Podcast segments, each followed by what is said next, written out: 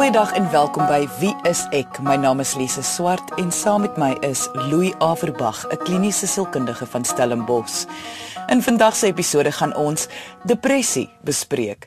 Voor jy nou jou stasie verander, want jy voel jy het nou al genoeg gehoor van depressie, wil ek almal net verseker dat ons nie vandag gaan gesels oor wat depressie is nie, maar ons gaan meer kyk na medikasie die oorsake van hierdie siekte of dokters heeltemal te maklik medikasie voorskryf en hoekom so baie mense depressie ervaar. Alles aan die hand van twee luisteraarsbriewe. So kom ons skop af met die eerste brief van die dag. Louis en Lise. Ek is met mild depressie gediagnoseer in 2012. Ek was as kind gemolesteer, op 18 verkrag en was vir 30 jaar met 'n narcis getroud. My ineenstorting het plaasgevind toe my man 'n verhouding met my beste vriendin begin het en hulle my vertel het dat ek my verbeel en ons vriende vertel het dat ek jaloers is en heeltemal vir my trollie af is. Ek is deur my man verneder voor ander en die hele situasie met die derde party moes ek vir 2 jaar probeer beklei en verduur terwyl hulle my die slegste persoon in die verhouding gemaak het. Ek klink nou baie jammer vir myself, maar ek is nie meer nie. My vraag is, Ek het sedert 2014 emosioneel baie gegroei en sterk geword en wil bitter graag van medikasie afkom. Is dit moontlik? Ek het ongelooflike innerlike sterkte. Ek beklei vir myself. Ek werk bedags, maar tuis is ek lusteloos en sukkel om myself te motiveer om take te verrig totdat dit nie langer uitgestel kan word nie. Ek hou nie daarvan om so te voel nie of so te wees nie. Kan ek dit omkeer? My sielkundige en psigiater sê dat ek lewenslank op medikasie sal moet bly. Ek weier om dit te aanvaar omdat ek glo dat 'n mens se brein kan herstel en ek is 'n Christen wat glo dat in God alles moontlik is. Het jy 'n program of 'n manier om te werk aan die proses van herstel om van antidepressante af te kom? Ek hoor graag van julle. Louis, soos jy weet, is medikasie sekerlik een van die algemeenste onderwerpe wêreldwyd. Jy is 'n kliniese sielkundige wat nie medikasie mag voorskryf nie. Net psigiaters en dokters mag. So, voor ons hierdie spesifieke situasie bespreek, met watter autoriteit kan of mag jy hieroor gesels? Ja, soos jy sê, ek is nie 'n autoriteit oor medikasie nie, dit is die werk van psigiaters.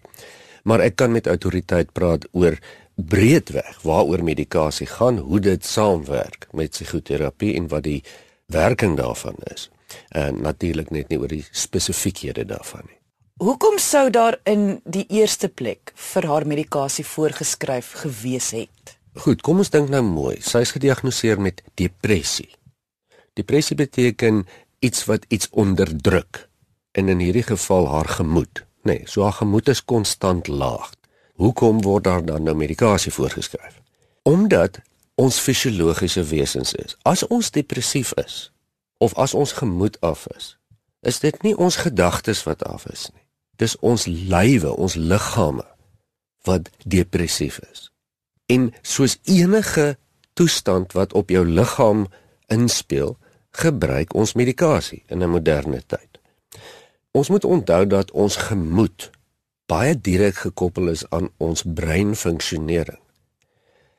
En as ons praat van breinfunksionering, praat ons van waar in die brein sekere aktiwiteite gebeur en hoe sinapsoordrag gebeur. As ek praat van sinapsoordrag, dan praat ek van die biljoene elektriese verbindingkies wat reg deur ons lywe loop, veral baie meer intensief deur ons brein loop en wat vir mekaar elektriese boodskappe stuur.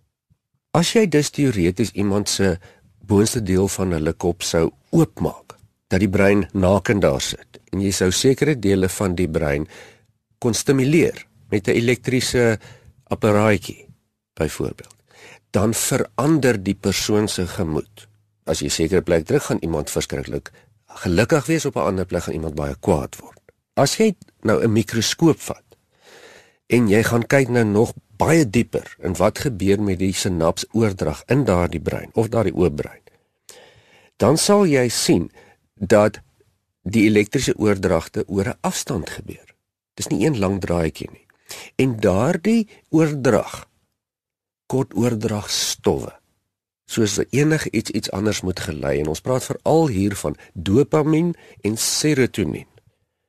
Dit klink nou vreeslik vervelig, maar dis daardie twee oordragstowwe. En hier sit ons gewoonlik dan met die situasie. As jy depressief is, is jy depressief omdat jou liggaam nou stadiger reageer, jou sinapsoordrag is stadiger byvoorbeeld, en daarom voel jy emosioneel vreeslik sleg of het jou sinapsoordrag te stadiger geword omdat jy eers begin sleg voel het of dat daar iets met jou gebeur het. As jy groot verlies ervaar, kan dit gebeur dat jy depressief raak daarna. Dis dis nie die fisiologiese oorsaak nie, die hoender is voor die eier in hierdie geval. So om 'n lang storie kort te maak. Depressie is maar 'n mediese toestand soos enige iets anders. En as jy praat van 'n mediese toestand, beteken dit die simptome sit in jou liggaam en dis waarvoor medikasie voorgeskryf word. Jy luister na Wie is ek met Louie en Lise op RSG 100 tot 104 FM. Is dit moontlik dat die medikasie die rede is hoekom sy dan nou sterk voel? Heel waarskynlik. Dit sal nie die enigste rede wees nie want niks in die wêreld is so eenvoudig nie. Maar dit sal waarskynlik die grootste rede wees. Dink gou hieraan vir luisteraars wat nou hier luister en geweldig laag van gemoed is sê nou maar jy wen die lotto. Nou, en jy wen 50 miljoen rand of wat die lotto ook al is. Gaan jy nog so laag voel vir die res van die dag? Nee, meeste van van ons sal ekstaties wees en in 'n wonderlike by wees. En waar is die depressie dan? Die vraag is egter, gaan jy nog oor 2 weke nog steeds so ekstaties wees soos wat jy nou is? En as jy regtig depressief is, gaan jy nie weet nie of jy nou die lotto gewen het of nie. As jy jou pasiënt vas met hierdie swaar geskiedenis van trauma veral, sou jy sê dit is 'n goeie idee om van medikasie af te gaan? Kyk, daar luister ons gewoonlik wat die psigiater sê. As die psigiater dink dit is 'n goeie idee, dan is dit 'n goeie idee. Hy is die, hy of sy is gewoonlik die spesialis. Ons aanvaar die psigiater as die ekspert in hierdie geval. En dit gaan altyd afhang van hoe haar gemoed op die oomblik is. As dit vir 'n lang tyd stabiel was, dan is daar niks meer fout om geleidelik te begin afskaal en te kyk wat die effekte is nie. En dit sal enige psigiater bereid wees om te doen. As hy in hierdie omstandighede aanbeveel dat sy nie afgaan nie, sou ek nogal daarmee kon saamstem net bloot op grond van haar geskiedenis. Sy het eenvoudig te veel stampe in die lewe gevat. Dis nie te sê dat sy dit nie nou meer kan hanteer nie. Maar die gemiddelde mens sou maar iets oorgehou het daarvan, gemoedsgewys. Kom ons gesels net gou oor haar geskiedenis. In 2012 het sy 'n ineenstorting gehad as gevolg van 'n man en haar vriendin se woorde aan haar en oor haar. Maar mens moenie vergeet sy is al gemolesteer en verkragt nie. Kan dit wees dat sy eintlik al vir baie jare sukkel met depressie, maar dit sy dit eers agtergekom het as gevolg van die ineenstorting? Ja, ek kan amper heeltemal oortuig wees dat dit die geval sal wees met daardie aardige geskiedenis van haar van kleins af het sy dus van vroeg af geleer dat die wêreld 'n onveilige plek is dat die wêreld 'n donker uh plek is waar daar slegte goed met haar gebeur selfs op ouderdomme waar sy nie veronderstel was om te leen. Dit was dus haar persepsie of sy dit nou wil hê of nie.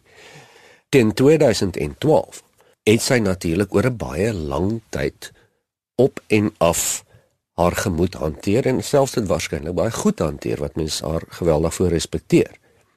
Maar iets soos wat gebeur het in 2012, die die verhouding wat sy uitgevind het, is genoeg om al die ou wonde weer oop te krap en dan is dit soos 'n damwal wat bars. Die gemoed wat net net binne die dam se walle kon bly, spoel dan nou heeltemal oor. Kan 'n mens se brein herstel, soos wat sy gevra het? Soos wat sy bedoel, ja natuurlik. En wat sy eintlik hiervan praat is, kan jy weer genoeg serotonien en dopamien opbou om jouself goed genoeg te laat funksioneer of nie? En ja natuurlik is dit altyd moontlik. In die geval van sekere beserings is dit nie altyd moontlik nie. As haar psigiater dit nie voorstel nie, dan beteken dit dat haar gemoed nog nie heeltemal stabiel is nie of dat die risiko bestaan dat dit nie stabiel sal bly nie. Beteken dit dat alle mense wat begin om antidepressante te vat, dan nou nooit weer mag ophou nie? Nee natuurlik nie. En baie mense wat antidepressante neem ek, ek glo seker die meeste mense neem dit nie vir altyd nie. Ons moet onthou medikasie is 'n kruk om op te loop. Ek gebruik altyd die voorbeeld van om 'n been te breek. As jy jou been gebreek het, moet jy weer op 'n stadium begin loop. Natuurlik moet jy self loop. Maar jy kry eers 'n kruk. En die kruk hou jou regop, dit ondersteun jou, dit help jou om normaal te begin loop totdat jy op 'n stadium kom waar jy die kruk kan weggooi. Afhangende van die besering moet sekere mense langer met krikke loop. Party mense moet vir jare met krikke loop. Party mense moet self permanent met krikke loop. Meeste mense hoef nie permanent met krikke te loop nie. Indien jy wil hê ek en Louie moet jou brief, storie of vraag hier op Wie is ek bespreek, kan jy ons kontak deur ons webwerf wieisek.co.za of gaan na ons Facebookblad onder Wie is ek met Louie en Lise. Onthou alle briewe wat bespreek word sal anoniem bly. Wat my bring by die volgende vraag. Daar word altyd aangeraai dat niemand sommer net self moet besluit om op te hou om hulle medikasie te vat nie. Want wat jy nou sê is dat iemand kan nou besluit, "O, maar goed, wag, ek kan nou loop, so ek kan my kruk maar los." So kan jy net verduidelik hoekom is dit nie 'n goeie idee nie? Baie min mense hou op om die medikasie wat voorgeskryf is vir byvoorbeeld 'n uh, bloedverlies of wat ook al die toestand mag wees te drink, want hulle weet as hulle gaan ophou, gaan hulle moeilikheid hê. Wat is die verskil met depressie? Is presies dieselfde ding. Weereens is dit omdat mense aanneem dat dit in jou kop is, in jou gedagtes is en nie in jou liggaam nie. Onthou as jy vir 'n lang tyd op behandeling was met depressie en jy stabiliseer, dan voel jy goed. En baie mense as hulle sterk voel, dan wil hulle nou nie meer aangaan met die medikasie nie, want dit is nie meer nodig nie. En ek verstaan dit, dis 'n baie goeie argument, maar mens moet nou ook onthou, hoekom voel jy goed in die eerste plek?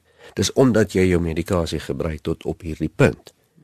Dit beteken nie jy hoef nie op te hou nie. Dit is hoe jy ophou wat geweldig belangrik is.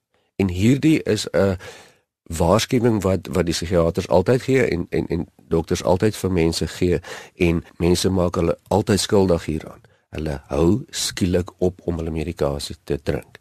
En dis heeltemal goed so, maar moet nie op jou eie afgaan van medikasie vir gemoedstoestande nie. Die medikasie werk op 'n spesifieke manier. Jou liggaam raak gewoond daaraan. Jy moet eers geleidelik self daarvan afkom en die klem is op geleidelik hierso. En onthou, net jou psigiater gaan weet hoe jy daai geleidelike proses moet doen.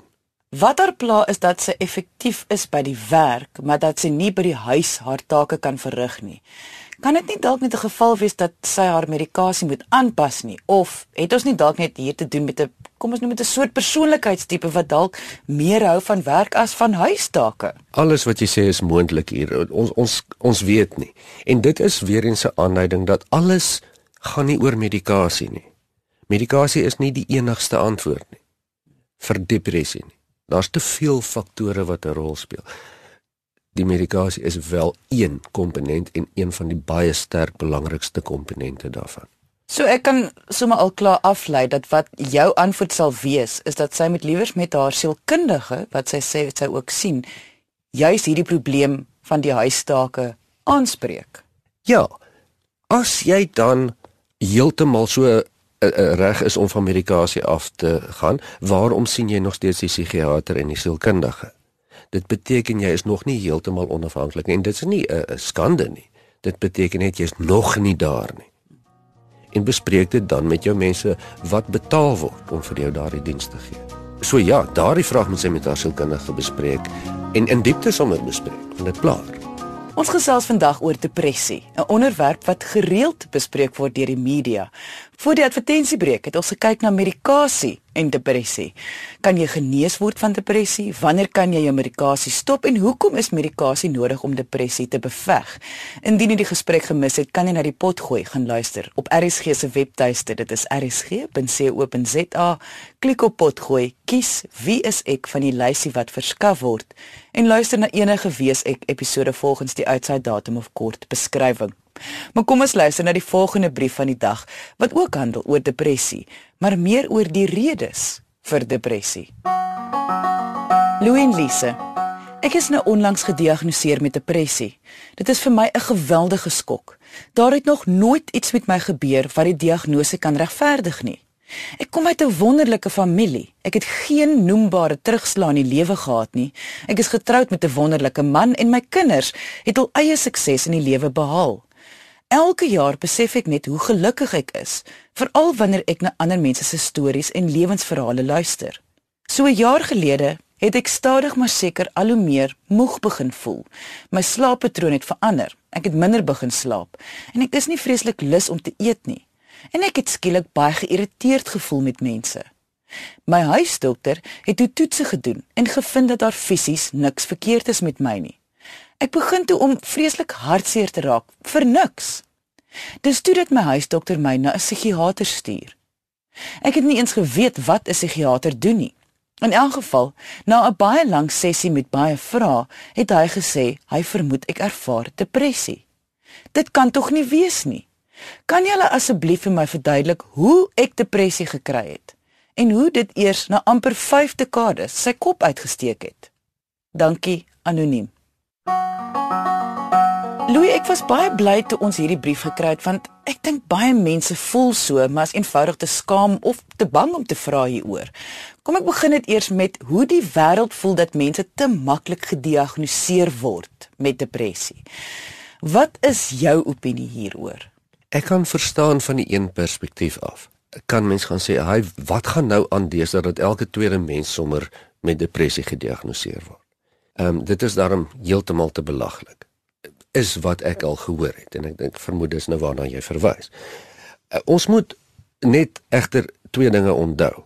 Die rede hoekom ons weet van al die mense wat depressief is, is dat tegnologie in so 'n mate baie skielik verbeter het. Ons het net tot op met 20 jaar terug nog baie minder met mekaar kan kontak hou.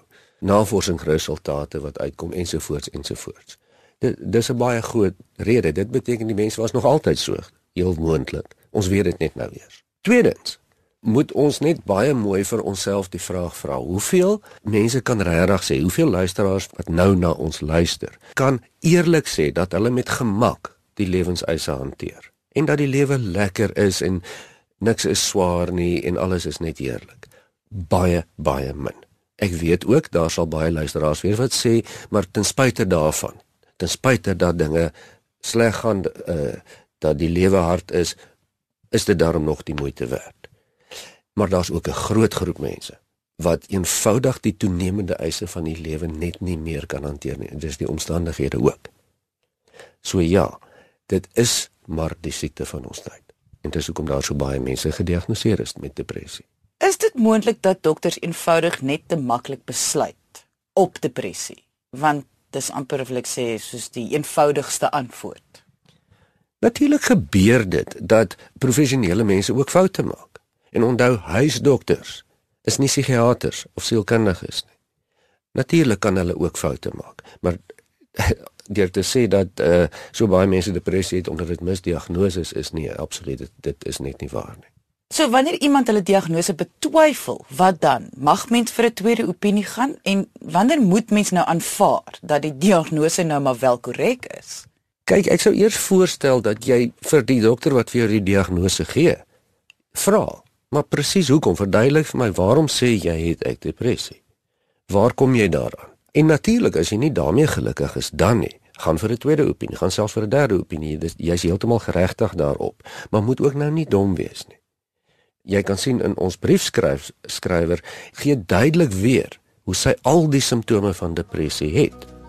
Sy stel dit daai duidelik, sy is net nie self daarvan bewus nie. Jy luister na Wie is ek met Louie en Lise op RSG 100 tot 104 FM. Wat volgens die wetenskap is faktore wat lei tot depressie? hier kyk ons na die na die twee hoofkombinasies natuurlik van oorerwing, wil ek amper sê fisiologiese of genetiese faktore en dan dit wat ons aanleer deur die lewe. En as ons kyk na oorerwing, is daar twee aspekte. Die een is veerkragtigheid, die vermoë om dinge te kan hanteer. Ja, dit is in 'n groot mate iets wat ook aangeleer word, maar baie mense word ook gebore daarmee om makliker of minder met aanslagte te kan hanteer. Maar as ons dan ook kyk na oorerwing, ja, depressie onthou se siekte toestand word oorgeerf. Nie altyd nie. Alle mense wat depressief is, is nie omdat hulle dit oorgeerf het nie. Maar duidelike oorerwing kom voor in die DNA-strukture en ek wil nie ons kan nie nou in te veel details daarin gaan nie maar die hele veld van epigenetika en al die navorsing wat daar uitkom bewys dit vir ons baie duidelik dat jy tot 8 9 10 geslagte terug se gemoedstoestande nog kan oorerf. En dan is daar natuurlik die aanleer. Met die aanleer beteken ons of ons het aangeleer sonder dat ons agterkom die wêreld is 'n donker plek, niks gaan uitwerk nie. Ons praat van onbewuste aanleer of 'n bewuste aanleer as iemand 'n trauma beleef het. Slegte dinge met jou gebeur en jy is jou gemoed is af vir 'n ruk na die tyd.